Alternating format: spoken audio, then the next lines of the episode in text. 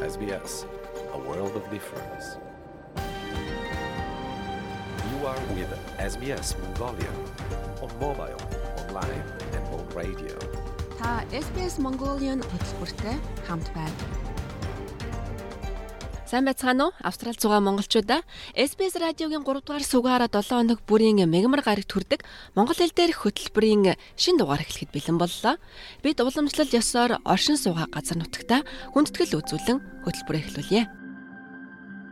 Бидний нэвтрүүлгээ түгээж буй энэхүү газар нутгийн уугуул эздэд талархал илэрхийлж байна. SBS Mongolian колон үндэсний Wurundjeri Woi Wurrung хүмүүс тэдний өнгөрсөн ба одоо үеийн эхэс дээдсүүдэд хүндэтгэл үзүүлж байна. Мөн та бүхний сонсон сууж буй газар нутгийн Абриген болон Торресын хоолын арлын бүхий л уугуул эздэд бид талархан хүндэтгэл үзүүлье.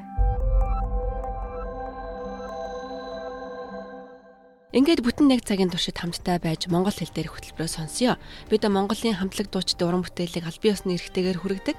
Мөн энэ хугацаанд та Австралид монголчуудын түүх туршлагыг хүлээн авч сонсоорой. Мэдээж Австралид оршин суухад тань хөтөж болох Австралийн тухай нэвтрүүлэг болон цаг үеийн мэдээ мэдээллийг бид хөтөлбөртөө багтаах болно.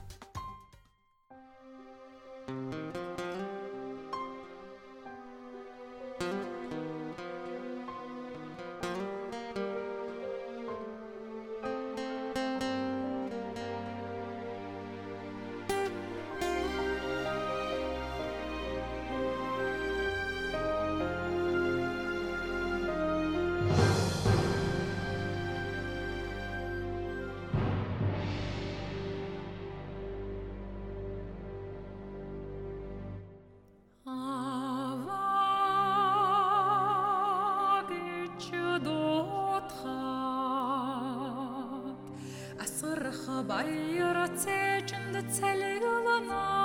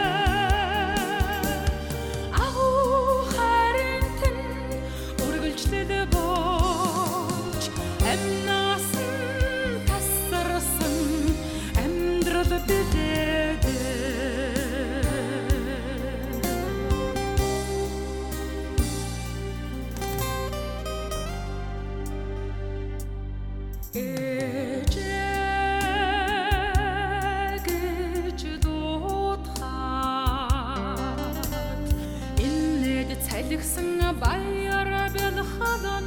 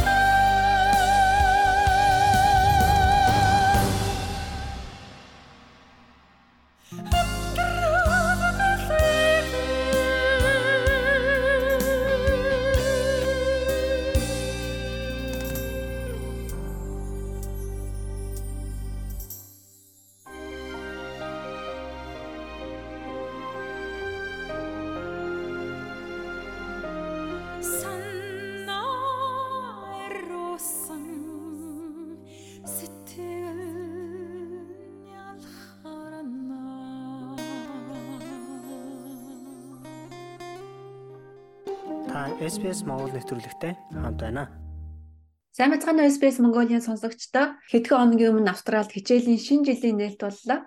Хүүхдээ Австралийн шинэ сургууль, шинэ орчин, шинэ соёлд нь нэвтрэхэд шинэ хүүхдүүдэд танилцаж Австралийн энэ сургуулийн орчинд дасахад нь хэрхэн туслахад эцэг эхчүүдэд зөвлөхөөр бид нэр энэ удаагийн дугаар эхлүүлж байгаа юм а. Манай өнөөдрийн зочин Сидней хотноос Онон бидэнтэй холбогдож байна. Сайн Онон? Өдрийн минь төргий. Сайн мэцхан уу? Өдрийн минь төргий. Баярлалаа бидний урилгыг хүлээж авсанд.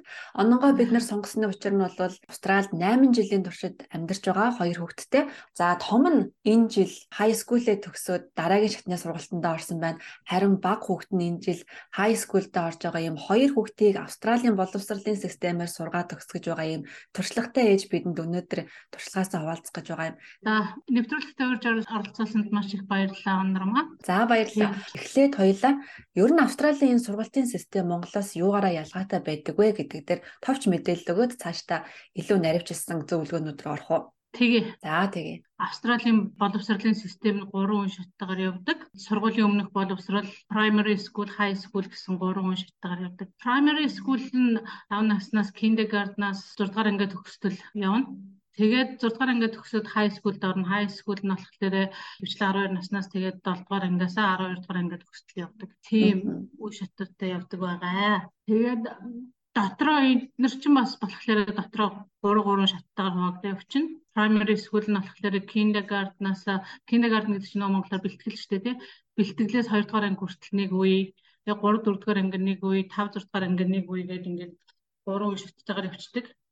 А бэлтгэл нь болохоор их хвчлэн тэгэл нөгөө хүүхдүүдэд ABC-гээс ихсүүлэл нөгөө яг Монголтай адилхан бүх цагаан талхаа үсгээ заагаал яаж уншиж бичихийг заагаал 3 4-өөс болохоор математик хүрд ийм хэлүүд ороод 5 6-аас жоохон гүнзгэрч эхэлдэг. 5 6 дугаар ангид орохлоор хүүхдүүд жоохон бие даагаад хичээл нь жоохон гүнзгэрээд бага ангийн хүүхдүүдээ өөр том ангийн хүүхдүүдэнд кэр хийгээд нэлээд хариуцлагатай болж ирдэг. Тэрийн гэрийн даалгавар нь ч гэсэн ихсэж эхэлдэг юм билээ.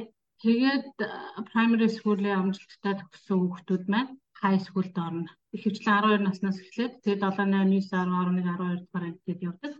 Тэгээд энэ дотроос 3 стейжтэй 7 8 дугаар анги 9 10 дугаар анги 11 12 дугаар анги гэдэг high school primary school хоёрын ялгаа нь гэх юм бол primary school-д нэг анги даасан багш байдаг байхгүй юу?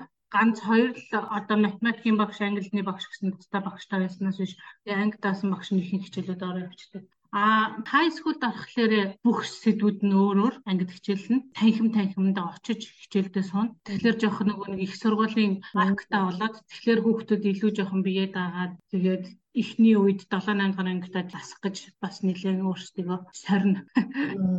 Тэгээд 9 10 дугаар ангидаа болохоор яг бүх юм жигдрээд ингээд суралцаад оо ямар мэрэгжил сонгох уу, их сургууль энэ төр гэл тэр талаараа бодож эхэлдэг байхгүй юу? 9 10 дугаар ангид төгсөөд 11 12 дугаар ангидаа үзэх хичээлийн сэдв мэдвээ сонгодгийн 10 дугаар ангид төгсөөд тэгээд тэрнгээр 12-оор төгсөх шалгалтаа өгөөд их сургуультаа орох юм тэр яг ингээд нэг 3 3 үе шаттаад сургуулиуд нь яваад ах шиг байгаа юм. Ингээд 1-р ангиас 12 дугаар анги хүртэл явж байхдаа дунд нь нөгөө төвшин тогтоох шалгалт өгдөг. Улс даяараа Напсан тест гэж авдаг тийм. Аа. Тэр нь болохоор 1 3 7 Тэгээд 11 12 тал ахгүй. Тэгээд танаа хүүхд ч одоо ингээд нийт улсын хэмжээнд хүүхдийн дундаж одоо унших бичих чадвар нь байх хэвээр. Тэгэхээр танаа хүүхд одоо даагуурын дээгүүрэн сайн байна муу гэдгийг тодорхойлоо гаргаад ирдэг. Ер нь хүүхдийн баримжааг энэ шалгалтаас харах юм байна гэж би ойлгосон. Дүүн нэг 50-аад авахгүй. Нэг талаас нэг эцэг эхчүүд хүүхдээ ер нь хэр сураад байгаа юм бол гэдэг нэг харж чадахгүй байгаа юм шиг надад санагдаад байдгийн. Тий. Энэ тэрийг ер нь яаж мэдэх вэ? Хүүхдээ ер нь хэр сурлагатай байгааг эцэг эхчүүд яаж мэдж болох вэ? Ихэнх нь онлайнаар өвчдөг байхгүй? Ер нь их багш нартайгаа очиод ярилцаал багш нэг дэвтэр гаргаж ирэл танаа хөвтөж одоо ийм энэ төр гэл тэрийг ярилцаад байх нь ховор боловсролын газар гэдэг нь шүү дээ тэр боловсролын газар дээр хүүхдэд чинь нэг аккаунт нэг чинь. Тэр аккаунтаараа орох тэр чинь хүүхдийн чинь бүх мэдээллүүд нь тэн дээр байж байгаа байхгүй тэр нь лөө эцэг эхчүүд орж болох уу? Болно. Тэрний линкийг хоёлаа тавиад өгөө те. Тгий линкийг тавиад өгье. Гэрийн даалгавар ямар ямар гэрийн даалгавар өгч чинь тэрийг хүүхд нь хэр хийж ийн энэ гэдгийг тэрэн дээр нь бүгдийг тавиад өгчдөг. Аль болох гэрийн даалгаврын сайн хийлгээл жилд хоёр удаа багш нарын эцэг эхчүүдийн нэг уулзалт болдог байхгүй ярилцлага тэр багш эцэг эхийн ярилцлаган дээр хүүхдийнхээ хэр сурж байгаа, юун дээр анхаарах хэрэгтэй гэдгийг багш нар бүгд бэлдээд эцэг эхчүүдэд танилцуулдаг.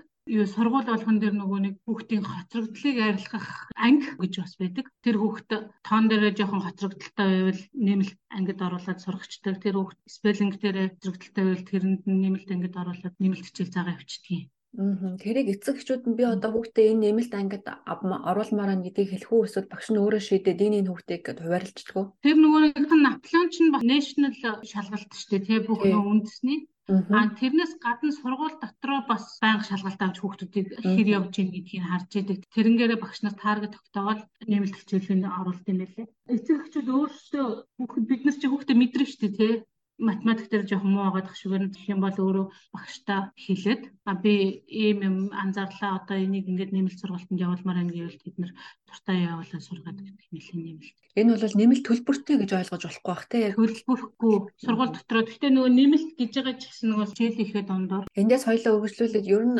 хүүхдийнхээ ангийн багштай хэрхэн харилцах талаар ярилцвал ямар вэ? Тийм миний туршлагаар болохоор онлайн аккаунтаа нээгээл хүүхдийнхээ гэрийн даалгаврыг шалгаад хүүхдтэйгээ ярилцаад тэгээд ангийнхаа багштай айгүй сайн холбоотой байвал хүүхдэд чинь бүр илүү хэрэгтэй юм байлээ. Хүүхдтэй сайн тусалж ийн гэсэн үг.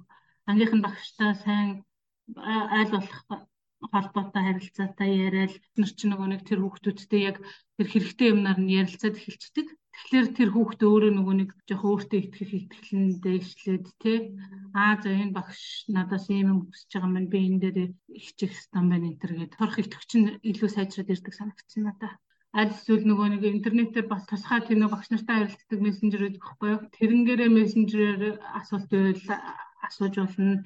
Тэгээ нэг жилд хоёр удаа болдог нөгөө нэг эцэг эхчүүдийг ярилцдаг шүү дээ. Одоо Монгол дээр эцэгхийн хурал тэр чинь нөгөө бөөнөрөө нэг биш нэг нэгээрээ ярилцдаг байхгүй яг тус тусдаа хүмүүсийг. Тэгээ яг өөртөө тохиолдож байгаа бүх юмаа илэн далангуй айгуу сайн асуугаад айгуу их тусламж эднэр асуух юм бол тэд нар яг сургалтын тал дээр бол цаанаасаа нөгөө нэг боловсролын газраасаа зохицуулаад өгчихсөн.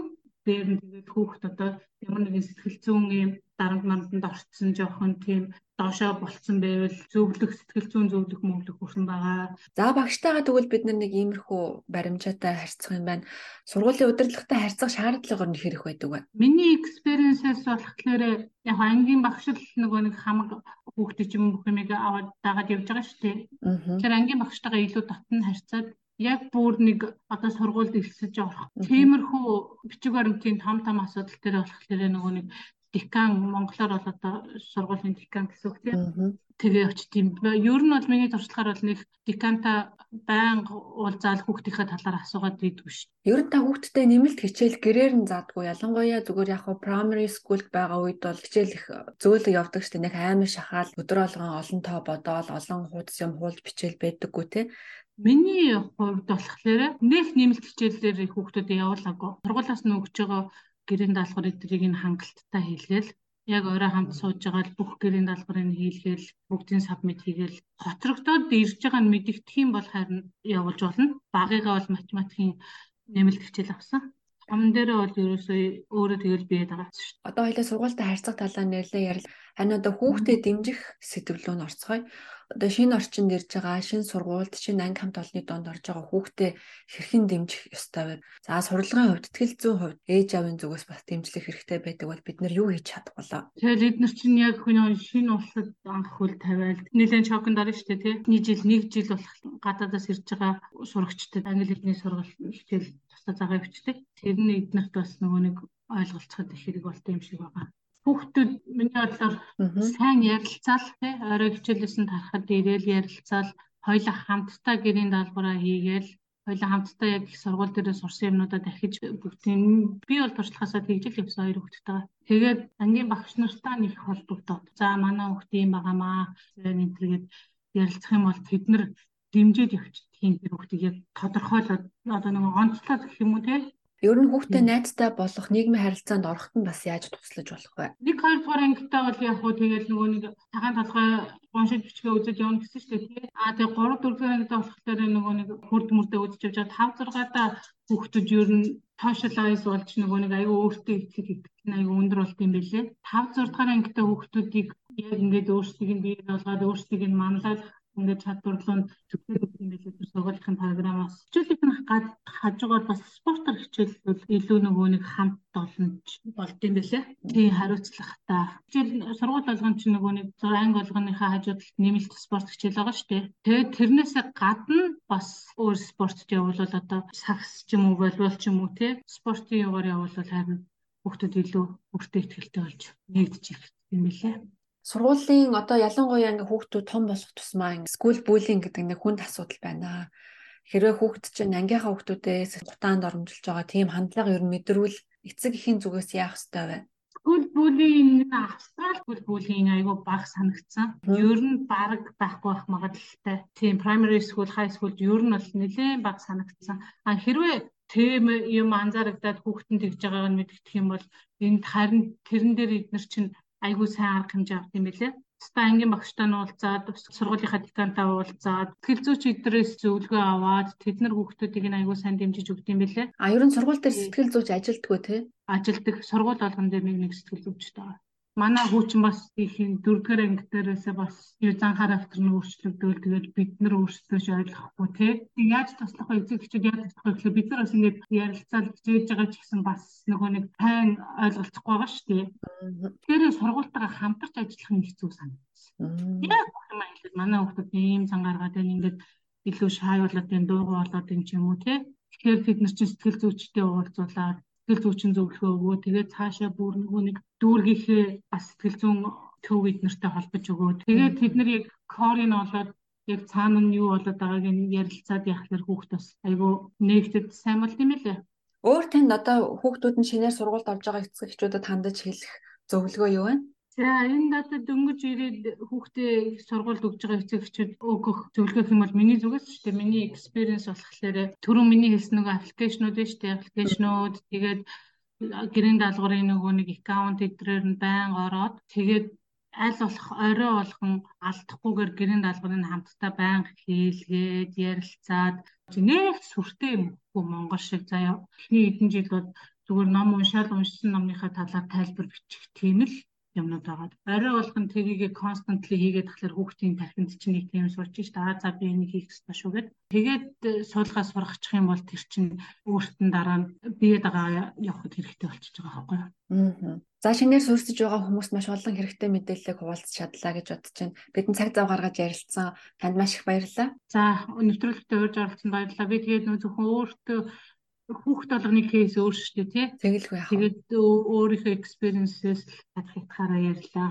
За баярлалаа. Маш их баярлалаа. Танай хоёр хүүхдэд амжилт хүсье. Магадгүй одоо яг итар болох үе танай хүүхдээс бас яг энэ одоо монголоор бол эсэлтийн ерхий шалгалтыг хэрхэн яаж өгдөг, яаж бэлддэг тухай ярьцлага авал дургуцах байх гэж найдаж байна. Та дамжуулаад өгөөрэй. Тэгээ дургуцах байх. За. Баярлалаа. Баяртай. За баярлалаа. Баяртай. Өдрийг сайхан өнгөрүүлээрэй. За баярлалаа. SBS Монгол хэлээр бидний нэвтрүүлгийг Facebook сошиал хуудасаар бусдаа хуваалцаарай. Та SBS Монгол нэвтрүүлэгтэй хамт байна. Сайн мэцхан SBS Mongolia сонсогчдоо оршин суух утж булангийн шин дугаар эхлэж байна.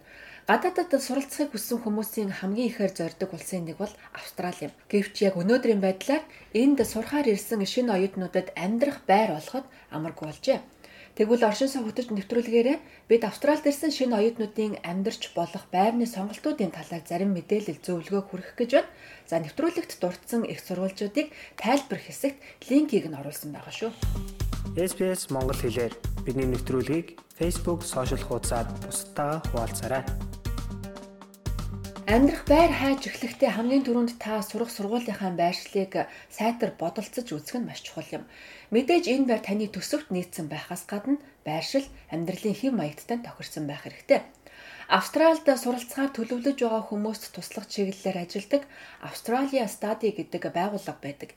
Энэ байгууллагын захирал Wojtik Wawjinskiтэй бид ярилцсан юм а. Түүний өгөх эхний зөвлөгөө бол Австралид эхний саруудад амьдрахад тохиромжтой орон сууцны ямар сонголтууд байгааг мэдэж авах нь чухал юм гэлээ. One very traditional typical accommodation we offer for students is Оюутнуудад санал болгодог. Манай нэг уламжлалт сонголт бол Австрал гэр бүлтэй хамт амьдрах юм. Тэнд хоол ундаа хуваалцдаг байж болно. Эсвэл зүгээр л өрөөнд нь амьдардаг байж болох юм. Ийм байранд Австралийн соёлыг мэдхийг хүссэн мөн арай бага залуу бие даан амьдарч үзээгүй оюутнууд ордог. Одоогоор ийм айлд амьдрахад 7 хоногт ойролцоогоор 350 орчим долларын төлбөртэй байна. Homestay is around $350 per week. Дараагийн нэг сонголт бол оюутны байр. Ийм орон сууцны зах зээл сүүлийн үед хурдтай хөгжиж байгаа. За бизнес эрхлэгчид оюутнуудад зориулсан түрээсийн байр барьж мэрэгжлийн менежерүүд тэнд хариуцсан ажилтг юм байна. Ус тог гэх мэт урсгал төлбөр болон засвар үйлчилгээний үнэ нь түрээсийн үнэтэй багтсан байдаг. За ихэвчлэн ихтэй сургууль коллежийн ойролцоо мөн нийтийн тээвэртэй ойрхон өндөр барилга томоохон байгууламжид ийм хагас тавилгатай оюутны байрыг тогтчулсан байдаг. Зориудаар ийм байршлыг сонгож сургууль коллежид очиход хэлбэр байлгадаг. За энэ нь сурч байх үедээ ямар нэгэн нэмэлт ачаалал үүрхийг хүсэхгүй байгаа оюутнуудын хувьд эрэлт ихтэй байдгийг. Ноён Wovtech Wowjinski ингэж program. Одоо ийм байрнууд зохион байгуулалтанд орж байна. Энэ ажлыг маш зөв хийдэг компаниуд олон байдаг. Тэд даатгалтай Өөрөө тасалгаа орон сууцсандаа хэд олон хүн авч хүний тоог хэтрүүлдэггүй. Тэгэхээр энэ бол маш нийтлэг сонголттой нэг. Хоёр хүний өөрөө 280-аас 300 доллар, за нэг хүний өөрөө 350 орчим долларын үнэтэй байдаг. Нэг байр нь 3 эсвэл 4 өрөөтэй байх нь бий. За бас хотын төвдөө ойрхон байдгаараа онцлогоо. Хэрвээ та оюутны ийм байранд амьдрахыг хүсэж байгаа бол та дараах сайтуудаар ороод үзээрэй.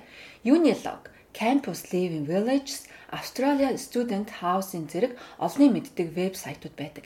Бид энэ сайтуудын линкийг нэвтрүүлгийн тайлбар хэсэгтээ оруулсан байгаа. Та Австралийн стади гэх мэт оюутныг дэмжих агентлагаар дамжуулан өргөдлөө гаргаж болдог. Оюутнуудын хувьд бас нэг амьдарч болох байрны сонголт бол shared accommodation буюу байраа хуваан эзэмшиж амьдрах арга байдаг юм. Энэ нь илүү урт хугацааны шийдэл байж болох юм аа. Share accommodation, it's very big as well and За flightmates.com.au нэртэй вебсайт нь байраа хувааж амьдрах хүсэлтэй оюутнуудын дунд нэлээд нэр хүндтэй алдартай байдаг. Энэ бол жинхэнэ байрыг олох боломж юм. Ихэнх хүмүүс байран дээр очиж эзэнтэй нь уулзаад шийдвэрээ гаргадаг. Энэ бүхэн байршил, улирлаа шалтгаалan үнэн нь өөр өөр байдаг учраас яг одоо хэлэхэд хэцүү байна. because it all depends of the location, season, Нэмж хэлэхэд та flatmates.com.au болон flatmatesfinders.com.au замун гамтрэ гэх мэт сайтуудаас ийм shared accommodation-ыг хайж болно. Сиднейд амьдардаг Аминул Ислам Австралид суралцахаар Бангладеш улсаас иржээ. Байрны асуудалтай байгаа оюутнууд амьдралын чанар тааруу энэ бүхнийг дэсч гарахын төлөө л амьдарч байгааг тэрээр олж харсан юм. Ингээд өөрийн туршлагаасаа үндэслэн байр хайж байгаа оюутнуудыг дэмжих зорилгоор Facebook дээр сошиал групп үүсгэн байгуулжээ. don't know anybody is a new country so they struggle so first thing they're looking for a job and they place to Тэдэнд таних хүн байдаггүй. Шинэ улсад суурьших гэж тэд тэмцэж байна. Тэд хамгийн түрүүнд ажил байр хайх хэрэгтэй болдог. Надад хүмүүс туслах том сүлжээ байдаг. Би үүгээрээ шинэ оюутнуудад байр олоход тусалдаг. Байр хайж байгаа оюутнууд болон хувьдаа байгаа үйл хөдлөх хөрөнгөө түрээслүүлэх хүсэлтэй хүмүүсээ энэ сүлжээндээ нэгтгэдэг юм. Би тэднийг холбохыг хичээдэг. Ихэнх тохиолдолд энэ нь зүгээр л сайн санааны ажил байдаг. Би бол зүгээр л зуучлагч. most of the time it just works nicely i'm just the middleman Амин бол байрны эздэг оюутнуудтай холбдог.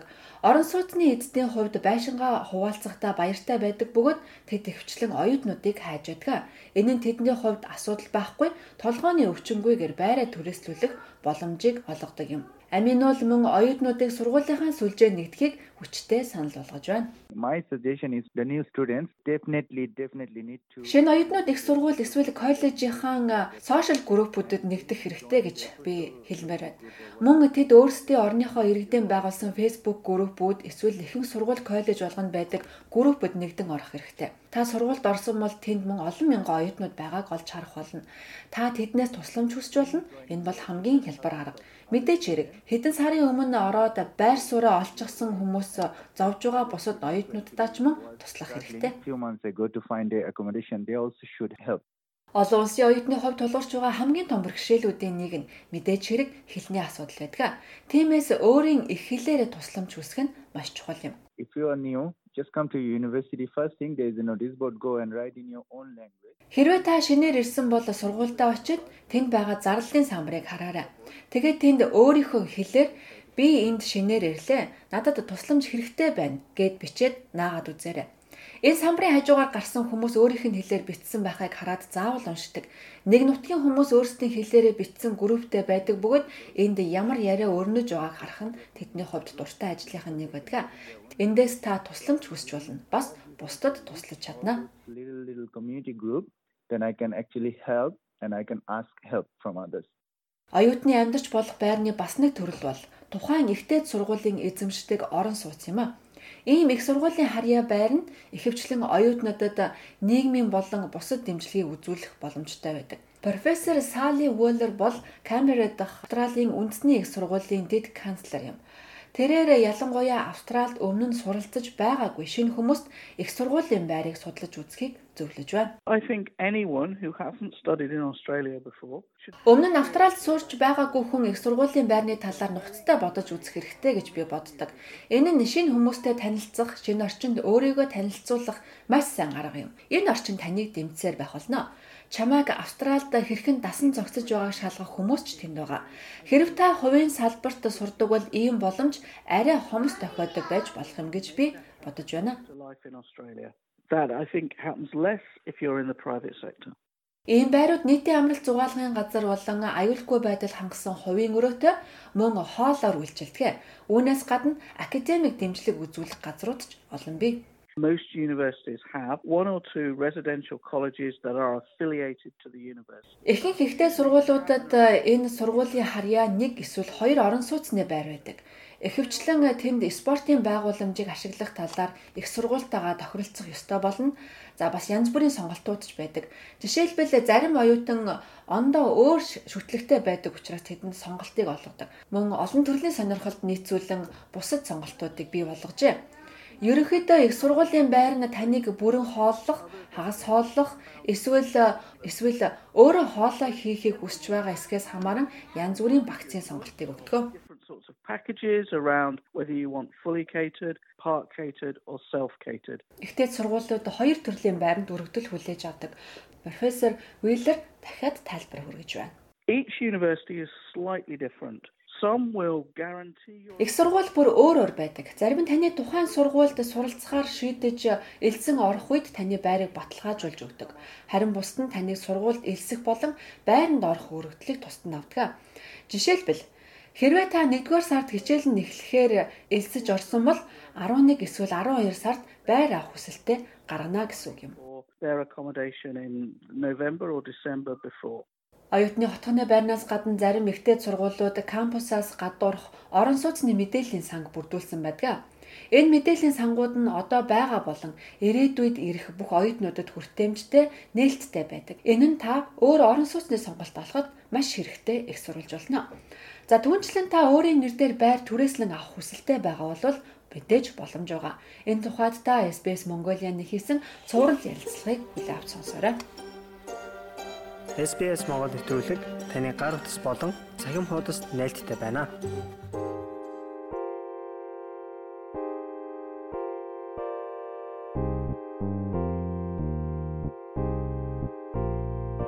Тох тухтай ажиллана, богт тухтай зайчлан, бодлуудаа зайчлан, цаасан шувуу хайчлан, алтан хундран, тус дундран, ном судранд,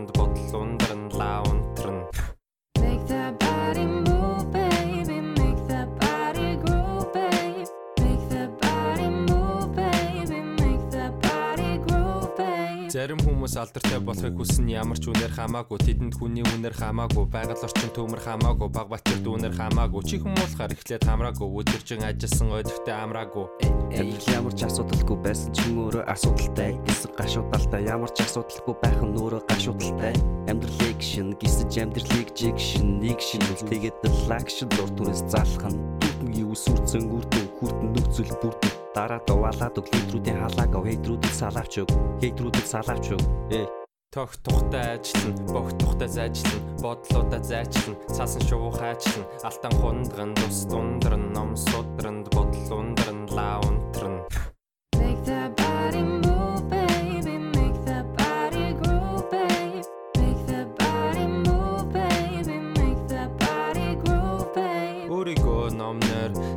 Номноор сексэр цэнэглэн номхон гэхдээ нэрэндээ Сексиг жирэглэн Миний рамыг уншаад үгийн сүжээ таах гэж тэнэглэн Зарим молгоо пистанаар хүмүүс тийм зах гэж ялэглэн Мань чи жаахан сэрэглэн Лог сэтгэлийг хэрэглэн Токсик харилцааг цэвэрлэн Өөрийн хувь заяаг өөрөө мэрэглэн Цэг тавиад цошин мөрөглэн. Тох тухтай ажиллан, бог тухтай зайчлан, бодлуудаа зайчлан, цаасан шувуу хайчлан, алтан хундран, тус дундран, ном судранд, бодол ундран, лаа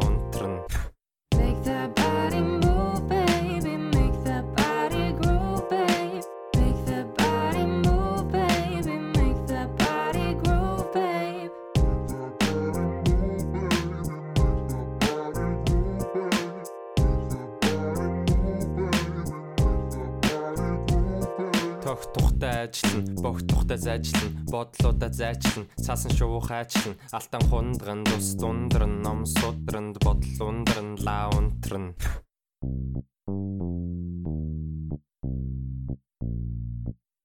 Та SBS Монгол нэвтрүүлэгтэй хамт байна. За сайн байцгаана Австралид байгаа монголчуудаа SBS радио 7 хоног бүр Австралид амьдардаг монголчуудынхаа түүхийг хуваалцдаг.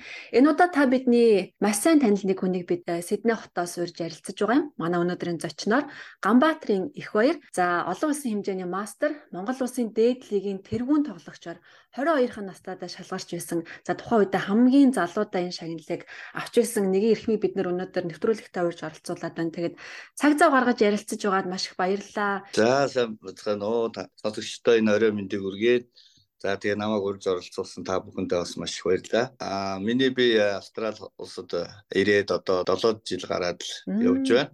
7 жил болсон байна шүү дээ тий. Саяхан л одоо их баяр зодог тайлаад Австрали явлаа гэсэн мэдээ бас сонирхдаг хүмүүсийг бас нэлээд бараг л юу нөйлүүлэх хэмжээнд тийм мэдээ байсан. Тэгээд аль хэдийн 7 жил өнгөрцөн байна. Тэгээд сүүлийн үед бол монголчууд сагсан бөмбөгийн спортод тун одтой байна. Аз ТV-ийн авраг боллоо. За Америкт манай инхи од бас маш амжилттай тоглож байна. NBA хүч үзэхээр одоо бас яг эд бэлтгэж байна.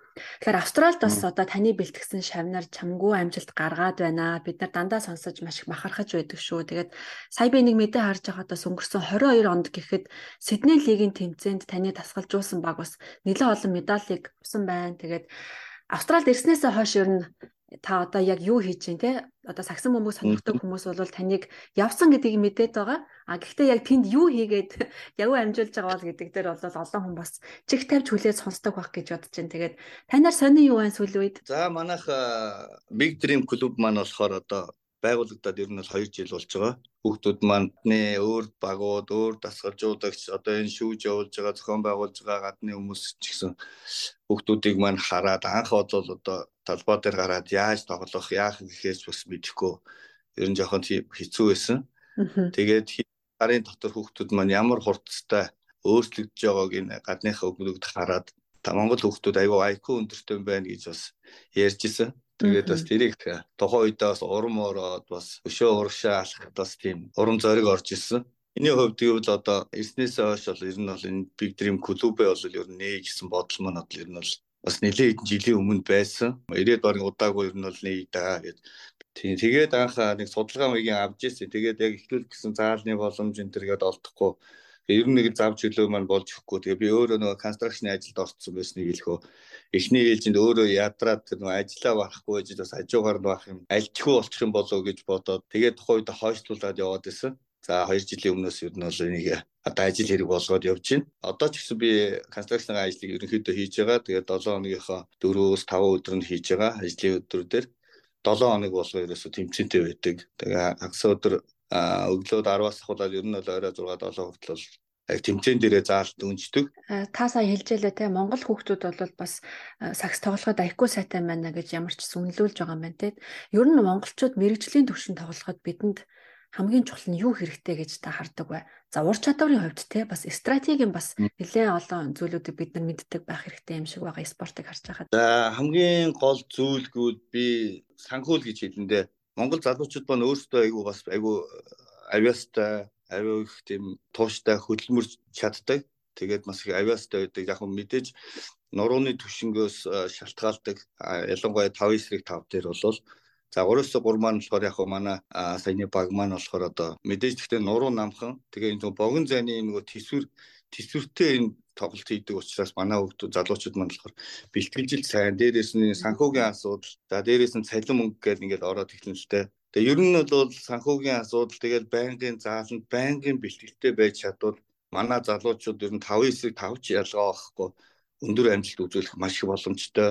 За тэгээд би аав нарт нэгэн гуйдаг л да хүүхдээ ингээд одоо бид хоногтой ганцхан удаа ингээд бэлтгэл хийж байгаа. Та нар маань ингээд завж илүүгээр ажлынхаа бос цагаар оройн цагаар ажиллаад тарж хүүгээ аваад ингээд захны талбай явж байгаараа очиод нэг бөмбөг задлуулчихж байгаараа нэг шийдэлтийн хийлгээ жоохон гүйлгчээрээ гэдэг ингээд эцэгчүүд эцгүүд аавуудын би л да. Тэгэхээр ер нь бол яг дэрэнтэй адилхан Монголын сагс ч гэсэн ялгаа байхгүй яг ингээл анхаарал те улсаас нь ингээл нэг холбооноос нь ингээл анхаарал ингээл санхүүгийн асуудлыг шийдээд ингээд өгөөдөө манай залуучууд хаач тоглох боломжтой гэж би харж байгаа.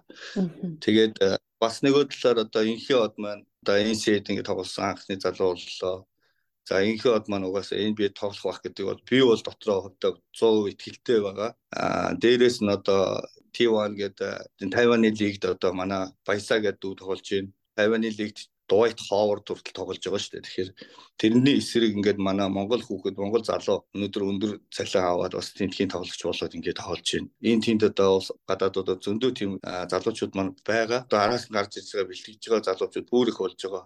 Тэгэхээр ерөөсөө монголчуудын маань энэ жоохон дэмжлэг жоохон нэг э, санхүүгийн асуудлыг шийдээд өгвөл одоо монголчууд хааж хүрэхэд билээ л гэж хэлмээр байна. Сая Азийн аварга дээр Монгол, Австрали хоёр багста гал гартал тоглолоо шүү дээ. Тэр үед та аль мэдээж Монголоо тэмцсэн баг та. Гэхдээ та магадгүй мэрэгжлийн хүний хувьд алийг нь харж үнэлжсэн бай. Монголчууд тэн дээр бас нэг Монгол хүн ийм ялгаатай байна да гэсэн зүйл харагдчихсан болов. Австралитай бол одоо бас нэлээд олон тоглолтод олон тэмцээнүүдэд тоглож байгаа. Австрали, Нью Зеланд гэдэг багуудтай л ер нь яг Аздаа бол ганц өрсөлдөгчнөр нь байгаа. За бусдууд нь бол өрсөлдөд авах шаардлагагүй бүгдийн нэр нь бол бид нар бүр муузаас орцоо тэ ихтэй болцсон.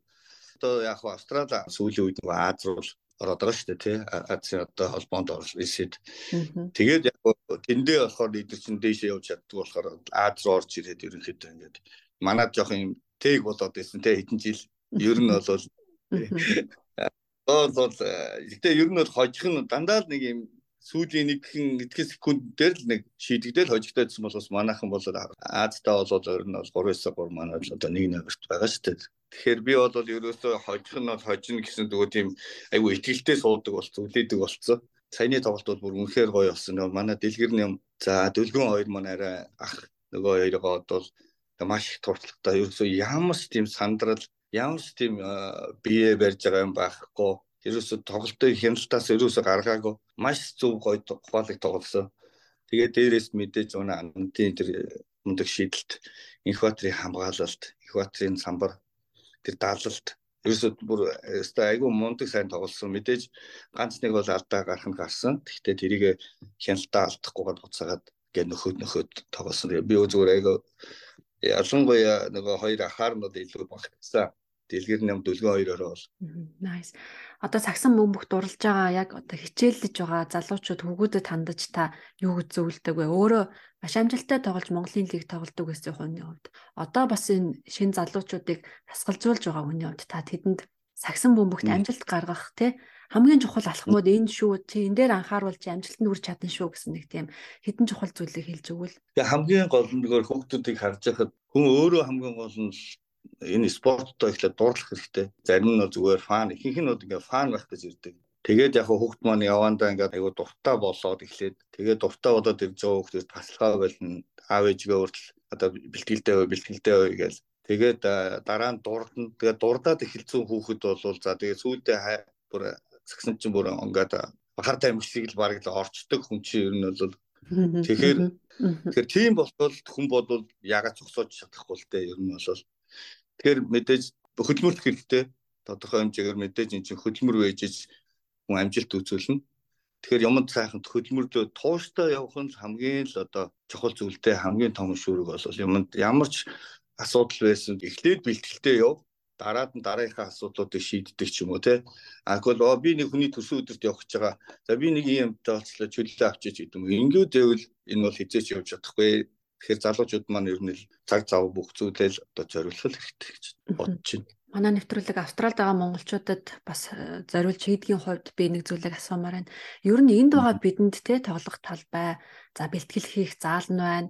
За бүр заагаад өгөхтэй Монгол тасгалжуулагч таа байна. За манай одгийн бас хүмүүс тасгалжуулдаг юм байна гэж би ойлгосон. Тэгээд бидэнд те Австралид байгаа бидэнд ер нь ямар боломжууд байна вэ? Магадгүй мэрэгжлийн төвшөнд тамирчин болох тийм ээ. Эсвэл одоо Австралийн ямар нэгэн лигт орох ч гэдэг юм уу? За яг энд болохоор одоохондоо нөгөө жоохон хэцүү байна. Ягаад тэгэхээр яг энэ ч зөвхөн сагсны чиглэлээр ирээгүй учраас хүмүүс хүн болгон өөр өөрсдийн зорилготой байгаа л да. Тэгээд удахгүй за магадгүй ингээд одгийн одгийн маань ингээд энэ бас бэлтгэл зургуулт бас ингээд хүүхдүүд бас хичээлүүд их хийсэн байгаа. За тэгээд ингээд энэ хүүхдүүдээс мань ингээд гараад магадгүй сайжраад За яг эсвэл Монголд ингээд сайн тоглолдог гэсэн залуучууд ирээд энд эндхийн нөгөө бас дүүргүүдийн лигүүд бас гэж зөнтөө байгаа. Тэнд ингээд Монгол залуучууд маань агүй их одоо тоглолдог болцсон, тоглож байгаа. Өмнө нь бас одгийн үед бас тоглолдог байсан. Гэхдээ ингэж явж ял магадгүй нэг сайн дасгалжуулагчид нэг нүдэнд нь харагддаг ч юм уу те ингээд бас нэг зөв аз гэх юм уу те спорт чи бас нэг юмны аз боломж тэгээд тэрийг ашиглаад тийм боломж гарвал эсвэл бид нар ингээд Монголынхаа холбоогоор дамжуулаад эсвэл энд байгаа залуучууд маань ингээ холбогдож чадвал а магадгүй бид нар хүүхдүүдээ одоо Монголоос ирсэн залуучуудыг ингээд холбож өгдөг тийм ээ. Одоо Монголд ингээд мундаг сайн уншаа өгд ч юм уу дээдлийг тоглож байгаад ийшээс мэдээж сурахаар ирсэн чинь тэрнийхээ хажуугаар ягаад цалинтай ч юм уу те одоо энэ тхийн NBA-ийн доод түвшний том лигүүд ч байт юм. Тэнд ягаад тоглож болохгүй гэж гэж холбож өгөх тийм гүүрэл одоо гүүрч гэдэг юм уу тэр юу боломжийг гаргаж өгөх асуудал байгаад байна л та. Тэр хэрвээ тэр юмыг нэг одоо аргыг нь болоод учрыг нь олчих юм бол болохгүй юм байхгүй л ах гэж бодож байна би бол. Тэгээ мэдээж одоо энэ 393 маань маш сайн явж байгааг болохоор 393-аараа дамжуулаад бас энэ дээр цаашдаа зөндөө ас юм хийж болох л байх л та. Сая өнгөрсөн жил Билардны дэлхийн авраг шалгаруулах Австралийн шигшээ багт манай Монгол залуу маш амжилттай оролцоод явж байгаа дээ бас. Тийм үү. За би эсвэл байгаа юм байна. Тийм тэр залуутай би бас ярилцчихсан. Одоо хоёлаа эндээс яриагаа ер нь заавал мэрэгжлийн түвшинд гэлгүүтэй энгийн хүний амьдралд спорт юу ямар өгөөжтэй вэ гэдэг сэдв рүү оролцвол ямар вэ? Таны амьдралд бол мэдээж спорт маш том үүрэг гүйцэтгэсэн. Таны аавч бас Монголын одоо хөл бөмбөгийн маш нэртэй тамирчин хүн. Тэгэхээр ер нь хоёлаа энэ ялангуяа гадаадад байгаа бидний амьдралд те спорт бол биднийг чангалдаг зөвхөн биеийг чангалдаг биш би сэтгэлийг бас чангалдаг тэгээд хоёлаа бидний амьдралд энэ спорт ямар өгөөжтэй вэ гэдэг талаар та бас олон жил спортоор хичээлж байгаа нь юу гэж хэлэх вэ? Энд дээр би нэг нэг жижигхэн дурсамж ярих гэж бодож байна. Би хүүхэд айгуу тийм хүүхэд байсан. Тэгээд ер нь байсгээд өвдчихдэг байсан. Манай цэцэрлэг маань жоохон зайтай байдаг гэсэн. Тэгээд дарханд одоо автобусандаа багтдгоо. Тэгээд аав маань намайг дагуулад айгуу хол гүйдэг байсан цэцэрлэг хүртэл маань ингээд ер нь өглөө эртмэс сэрүүхэн байсан ч гэсэн тэгээд өглөө аваад намайг шогшоод намайг аваад гүйчдэг байсан. Тэгээ би яг тэрнээс хойш ер нь тэгээ ухаарснаас гүүгээд аав маань надад одоо Германаас нэг юм хөл өмгийн бөмбөг авчирч өгөө. Тэгээ тэр бөмбөгийг ерөөсөө аваад гадагшаа гараад аав өөрөөсөө манай аавч өөрөө спортын болох намайг ингээд айгүйх дэмждэг айгүйх гаргадаг тэгээд тоглуулдаг. Тэгээ би ер нь бол одоо ингээд бодоод тахаар би тэрнээс хойш ерөөсөө тэгж өвдөхөө болцсон. Тэгж би ч бүр тийм сэхэнд орж ирсэн өгдөхгүй баг. Тэгээд э, энэ спорт гэдэг бол ерөөсөө миний амьдралын бол одоо ерөөсөө л одоо намайг одоо амьд яваач гэдэг юм уу те. Одоо энэ э, миний амьдралын баг ер нь бүх зүйлийг одоо ихтэл те. Ихтэл болон одоо ч гэсэн ингээд бас амьдралын маань ингээд нэг хэсэг болоод явж байгаа. Тэгэхээр энийг бас дурсамжхийн орж ирлээ сайн асуултын асуулт. Маш гоё. Гоё юм. Баярлалаа танд. Тэгээд тэгээд э, За мэдээж хүний бие организмтай бие физиолог сэтгэл санаа стресс одоо бүгдийг ингэж бас гоё ингэж зохицуулж чаддаг юм гоё зүйл бол спорт. Тэгээд аа саксуул тав мэдээж багийн спорт учраас одоо зүгээр хамгийн ихний наадах нь хүнтэй харилцах харилцаа тийм ээ. Ямар танихгүй хоорондоо тоглох нэг баг болоо тоглоход шууд харилцаад иглээ. Шууд нэг нэг ойлгодог болчтой. Тэгэхээр ерөөсөө энэ спорт бол одоо хүний амьдралд бол одоо зүгээр заавал байх зүйлийн нэг л гэж би бол бодож байна. Заавал хүн болгон спортоор хичээл хэрэгтэй. Одоо тэр байтугай бүтэн гартаа бүтэн хөлтөө бүтэн одоо бүх юм бүтэн хүмүүс айгуул спортоор хичээлгүй тийм хүмүүс байдаг. Би бас гайхаад байдаг. Ямар ч хөдөлгөөний хвшилгүй хүүхд байхдаа гүүжсэн юм уу гэм гүүж байгаа юм уу гэлтэхээр тийм харагддаг л та. Тэгээд яагаад тэр хүн гүүдгүй яг мэдээж өвчин зовлонтой болон тухай үед тэгсэн ч гэсэн тэр өвчнөд хамгийн гол нь тэмцэх ганц зүйл бол энэ спорт. энэ гүйлт. Ялангуяа энд байгаа бидний хувьд бол бас ч гэж боломж шүү дээ тий. Гараад гүөхөд талбай нь байна. Жилийн дөрвөн үйлрэлэн сайхан дулаахан тийм ээ өвгөл байна. Татвар мотор гэх юм байхгүй чи чинь айгүй сайхан шүү дээ. Тэр талаараа бол. За тэгээд бидэнтэй ярилцаж бас өөрийнхөө багийн түүхээ хуваалцаж сүүлийн үеийн сонир сайхан хаваалцсан танд маш их баярлалаа гэж бүх сонсогчдийнхээ өмнөөс хэлмээр нь бас хувьяасаа танд амжилт хүсье. За маш их баярлалаа. Бас та бүхэндээ бас ажлын өндөр амжилт хүсье. Тэгээд урьж оролцуулсан хувьд маш их баярлалаа. За баярлалаа танд. Монголчуудаа за бүгдэнд ажлын амжилт хүсье. Бүгдээрээ спортоос хичээлцгээе. За. За бүгдээрээ спортоор хичээлцгээе. Гүйж чадахгүй хүн бас харагдаад идэх шүү монголчуудаа. Тэгээ цаг цав гаргаад өөрийнхөө төлөө тий ирээдүйхөө төлөө бас хүүхдүүдэд бас гүйлгээд сургаарай, хөдөлгөж сургаарай гэж хэлээд энэ удаагийн ярилцлага өндөрлөе. Танд маш их баярлалаа. Баярлалаа. За баярлалаа. Лайк, шеэр, комент үлдээгээрэй. SBS Монгол Facebook хуудсыг дагахаа мартаоцай. Та SBS Монгол нэвтрүүлэгтэй хамт байна. Торгуулаа яаж төлөх? Төлөхгүй удвал илүү өндөр хариуцлага хүлээж магадгүй тухайд энэ удаагийн оршин суугч булангаар ярилцах гэж байна. Австральд торгуулийг төлөхгүй орхих нь илүү ноцтой үр дагаварт хүргэж магадгүй гэдгийг олон хүн мэддэггүй. Танд нэмэлт торгуул ногдуулж жолооны үнэлгээг тань хүчингү болгох. Цаашлаад хувийн өмчигч нь хураах хүртэл арга хэмжээ авч болзошгүй. За гэхдээ заавал ингэтлээ оройтулж эд зүйлсээ алдахын оронд эртхэн арга хэмжээ авч хэрвээ хэрэгтэй бол тусламж хүсч болтгоо. Энэ нь хүсээгүй асуудалд орж илүү зардал гаргахаас сэргийлэх болно. Австралид торгуул эсвэл зөрчлийн мэдэгдэл гэдэг нь хууль зөрчсөний шийтгэл гэсэн үг. Австралид торгуул эсвэл зөрчлийн мэдэгдэл хүлээж авна гэдэг бол хууль зөрчсөний шийтгэл гэсэн үг юм. Мууч нутаг дэвсгэрээс хамаарч ямар зөрчилд ямар торгуул ногдуулдаг нь ялгаатай байдаг. Австралид хамгийн нийтлэг зөрчил нь замын хөдөлгөөнийг зөрчсөн, зогсоолд машина буруу байрлуулсан гэх мэт тээврийн хэрэгсэлтэй холбоотой зөрчил гаргаж торгуул ногдуулах явдал байдаг. Үүнээс ч олон өөр төрлийн торгуул байдаг тухайд Wollongongгийн их сургуулийн хуулийн профессор Julia Quilter бидэнд ярьсан юм а. За жишээлбэл хэрвээ та шүүгчд дуудагдаад очоогүй бол танд торгуул ногдуулах боломжтой. Эсвэл та Австралийн заавал оролцох ёстой сонгуульд саналаа өгөөгүй бол олон нийтийн газарт хэрүүл хийвэл торгуул ногдуулна, үүнийг доромжлол гэлж үздэг. Одоо ихэнх гэмт хэрэгээ торгуулийн аргаар шийдвэрлэдэг болсон. Та хаа нэгтээ хог хайсан, тамхи татахыг хориглосон газарт тамхи татсны төлөөч торгуул ногдуулж болно.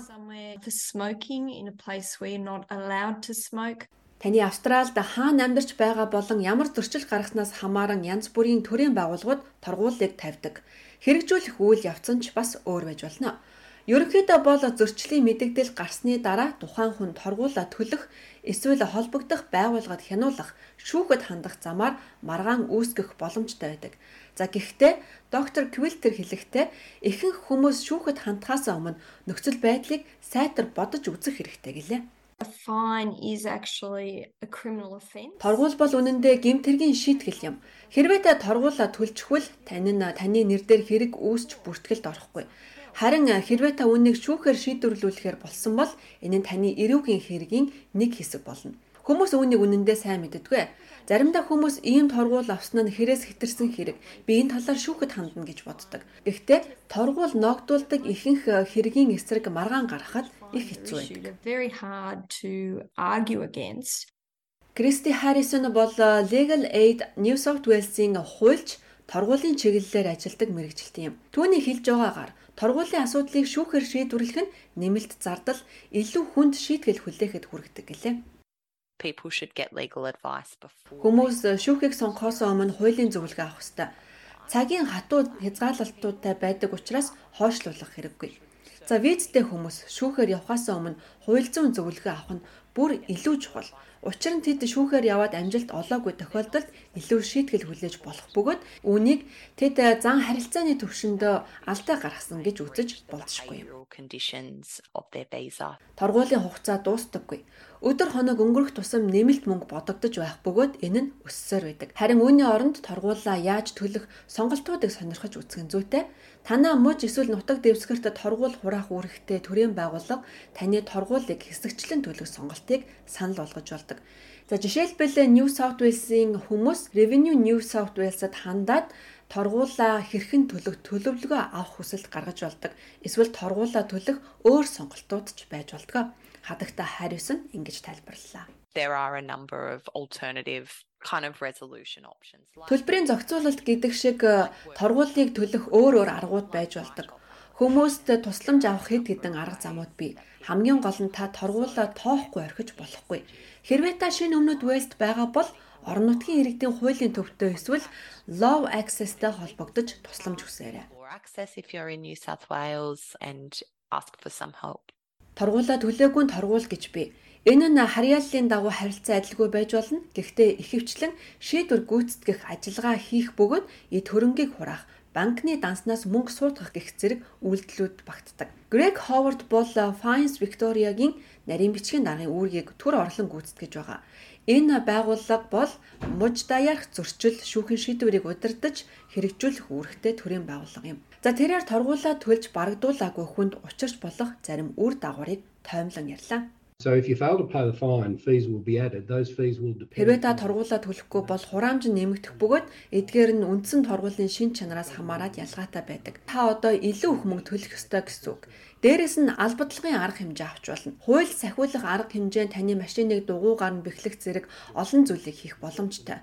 За мөн Fines Victoria байгууллагын захирал таныг торгуулаа төлөх хүртэл таны бүртгэлийг түтгэлзүүлэх За эсвэл жолооны үнэмлэхийг түтгэлзүүлэхийг тээврийн газраас хүсч болдог.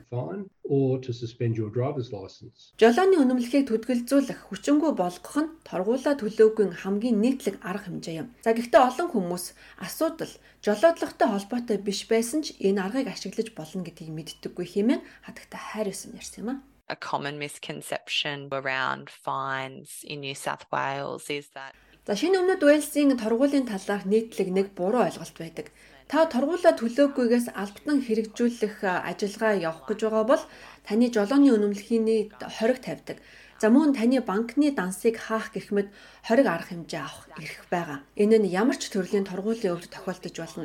Та саналаа өгөөгүй, торгуулаа төлөөгүй, жолоо барихтаа холбоогүй зөрчил гаргасан ч жолооны эрхээ асуулж болно.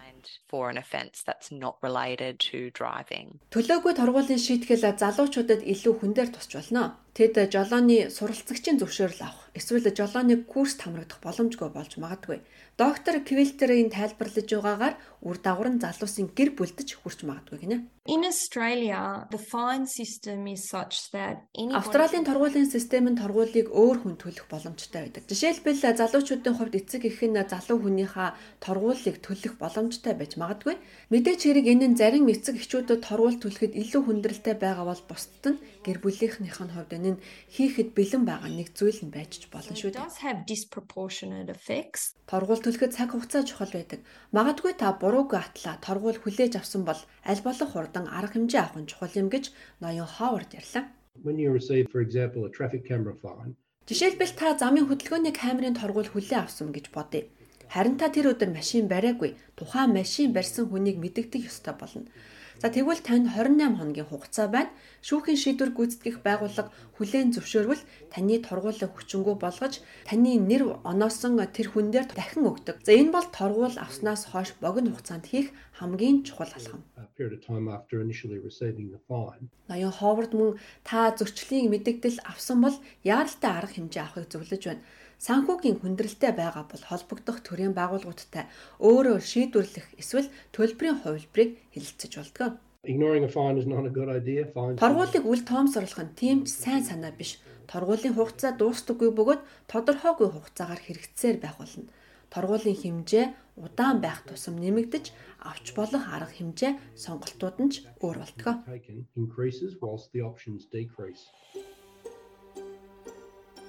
Австрали улсад байгаа бусад монголчуудтайгаа холбогдоорой.